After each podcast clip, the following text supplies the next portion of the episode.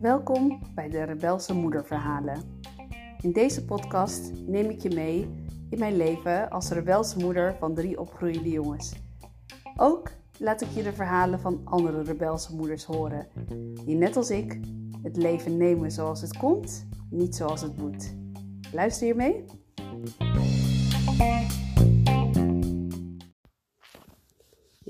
Hallo, hallo, hallo. Welkom weer bij mijn podcast. En fijn dat je er weer bent. Ehm, ik wil vandaag het met je hebben over het gevoel dat je alles tegelijk aan het doen bent. En ehm, ik heb daar wel eventjes een klein voorbeeldje van. Uh, ik heb heel lang gevlogen als stewardess uh, bij KLM. En uh, tijdens zo'n vlucht ben je dan ook eigenlijk het mannetje van alles. Je bent er voor de veiligheid, je bent er voor de service, je bent er als klantenservice, je bent er als, nou ja, noem het maar op, wat ben je allemaal, wat kan je allemaal zijn op zo'n moment. Nou, toen was ik een keer met een collega aan het werk en wij waren klaar met de maaltijdservice en dan doe je altijd gezellig nog een rondje koffie. Dus mijn collega liep met haar uh, plateautje in de ene hand en uh, de koffiekan in de andere hand.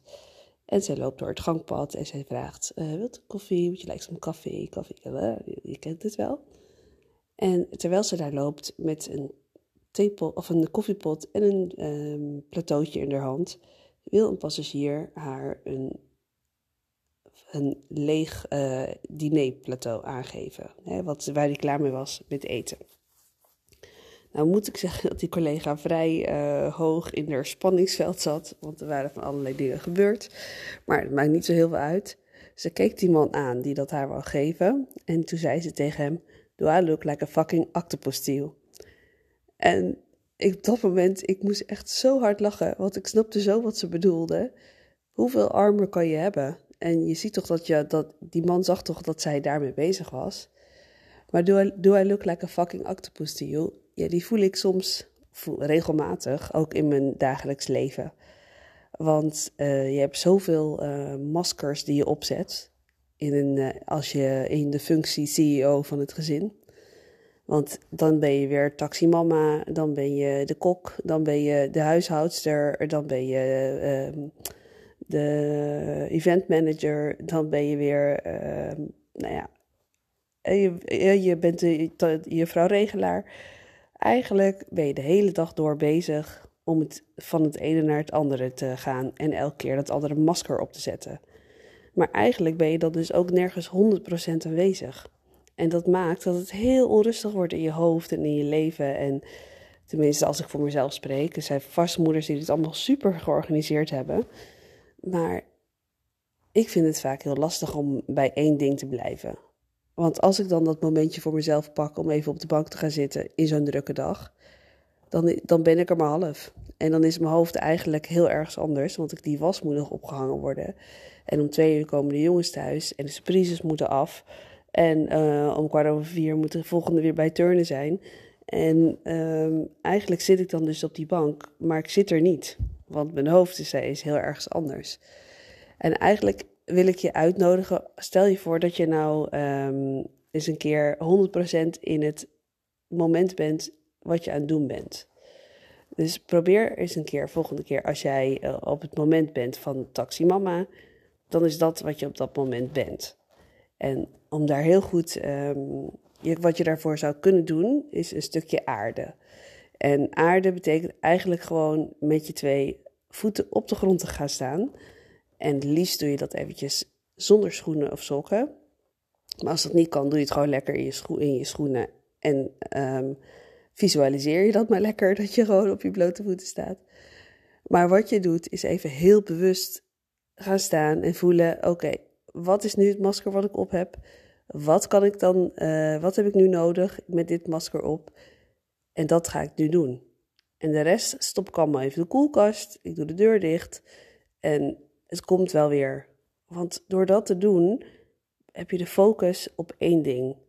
En uh, komt er veel meer um, ja, energie heb je ervoor en je bent veel meer aanwezig. En um, ja, weet je, je krijgt veel meer uh, focus op wat je doet.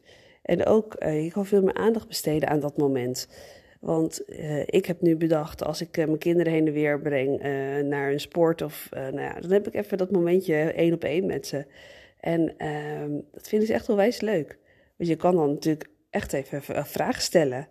En ehm, dat, is, dat schiet natuurlijk vaak ook bij want ze komen binnen met z'n allen tegelijk. Dan vraag hoe was het op school? Dan krijg je zo een antwoord. Want ja, wat, hoe was het op school? Wat is dat voor vraag? Want het is natuurlijk zoveel gebeurd, dat weten ze allemaal niet meer.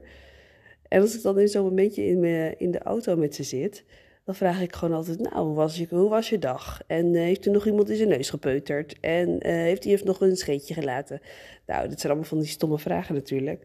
Maar daardoor kom je wel even echt in gesprek. En um, dan heb je weer je tijd uh, goed benut. Dus ik vind dat eigenlijk altijd wel heel lekker om dat zo te doen. En zoals gisteren had mijn puber studiedag, die ik natuurlijk vergeten was in eerste instantie. Maar toen had ik ook, ik had eigenlijk die dag gepland voor uh, mijn huis door, uh, werk aan mijn bedrijf. Nou ja, noem alles maar op. Alle gezichten, die alle maskers die je daar weer bij kan gebruiken. Maar hij kwam uit bed en ik dacht, weet je wat wij gaan doen? We gaan eens even lekker niks doen. En we, ik ben lekker koffie met hem gaan drinken. En uh, toen zei ik van, nou weet je wat wij gaan doen? We gaan lekker sushi halen, hebben we ook gedaan. En toen zijn we met z'n tweeën op de bank onder een dekentje, hebben een kerstfilm gekeken. En dat had ik even heel erg nodig met hem.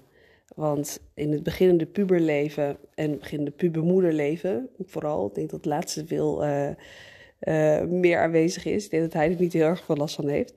Maar uh, ja, ik merk dat ik hem een beetje kwijtraak. Of tenminste mijn gevoel, dat je dat, dat het gevoel, hè, want ik raak hem natuurlijk niet kwijt.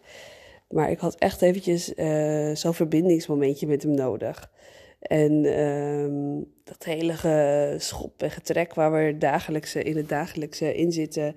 Van, uh, nou ja, weet je, dan zeg ik weer doe je was in de wasmand en uh, doe, doe de dop op de tampen staan. Je bent zo aan het drill sergeant mama aan het spelen.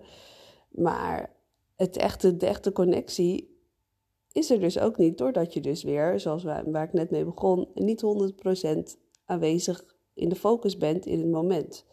En terwijl hij dus die was niet in de wasmand heeft gedaan, wat ik dan wel wil, dan ik zie dan het vervolg daarvan. Want dan denk ik, ja, dan heeft hij morgen weer geen kleren. En dan moet ik dat weer gaan zoeken. En die was die puilt al uit. En je wil echt niet weten hoe, hoe ik kom gewoon nooit. Ik heb altijd overal was liggen. Omdat dat gewoon een ongoing struggle is. Hier in het vijfgezinnenhuis. Uh, vijfleden gezinhuis. En um, ja, ik ben nooit klaar met die was. En dan denk ik van ja, soms dan heb je net een was erin gedaan en dan uh, kom ik in die puberkamer en denk ik, oh my god, hier ligt nog de helft. Dus ja, ik, uh, ik probeer nu maar dat los te laten. En uh, hoe meer ik hem zie en hoe meer ik contact met hem hou, dan hoop ik dat het ook doorwerkt. Dat hij uiteindelijk denkt, ah, ik stop even die was in die wasmand voor mijn moeder. Ik praat nu wel echt al heel lang over de was. What happened with me? nou, in ieder geval was, dan kan je natuurlijk van alles invullen. Hè? Heel veel verschillende dingen heeft dan natuurlijk te maken. Nou, en um, dat stukje inchecken, dat kan je natuurlijk inderdaad doen uh, door te aarden. Je kan even jezelf, wat je daar ook bij nodig hebt, denk ik heel erg, is jezelf toestemming geven. Dus als je nou eens denkt van, ik pak op die dag even het momentje koffie, zeg dan tegen jezelf, ik drink nu koffie en ik geniet ervan. En blijf dan in dat moment. En uh, nu is het enige wat, uh, wat er is. Dus we kunnen met z'n allen bedenken wat er morgen is, of overmorgen, of over tien jaar. Maar eigenlijk weten we alleen hoe het nu is. En als we daar nou eens even lekker in gaan hangen en daar eens even van gaan genieten, dat dat nu ook heel, ook heel belangrijk is, dan zal je zien dat de rest veel relaxer gaat worden. En uh, ja, ik denk dat dat een hele fijne methode is. Elke keer even bedenken: oké, waar ben ik nu? Wat heb ik nu nodig? En straks komt dan weer de volgende, het volgende dingetje wat je, wat je te doen hebt of wat je gaat doen. En als het niet lukt, dan is dat ook niet heel erg, hè, jongens? Want uh, was je ook maar mens dat het niet gelukt is? We zijn vaak zo heel streng uh, tegen onszelf. En uh, bij een ander kun je altijd heel erg meelevend zijn of meegaand. Van, oh joh, het maakt toch niet uit en doe je het lekker morgen. Maar oh, oh, oh, als we zelf het niet hebben gedaan, dan, ehm, nou, dan kan je wel eventjes jezelf helemaal afbranden. Dus, wat, ja, waar ik je voor uitnodig is, be that fucking octopus in your own life. Maar sla niet al je tentakels tegelijk uit, want ehm, dat is helemaal niet nodig. En ehm, je kan ook altijd hulp vragen, want je hoeft het niet allemaal alleen te doen. Nou, ik wens jullie weer een hele fijne dag. En of wanneer je dit ook luistert. En ik zou zeggen, tot de volgende podcast.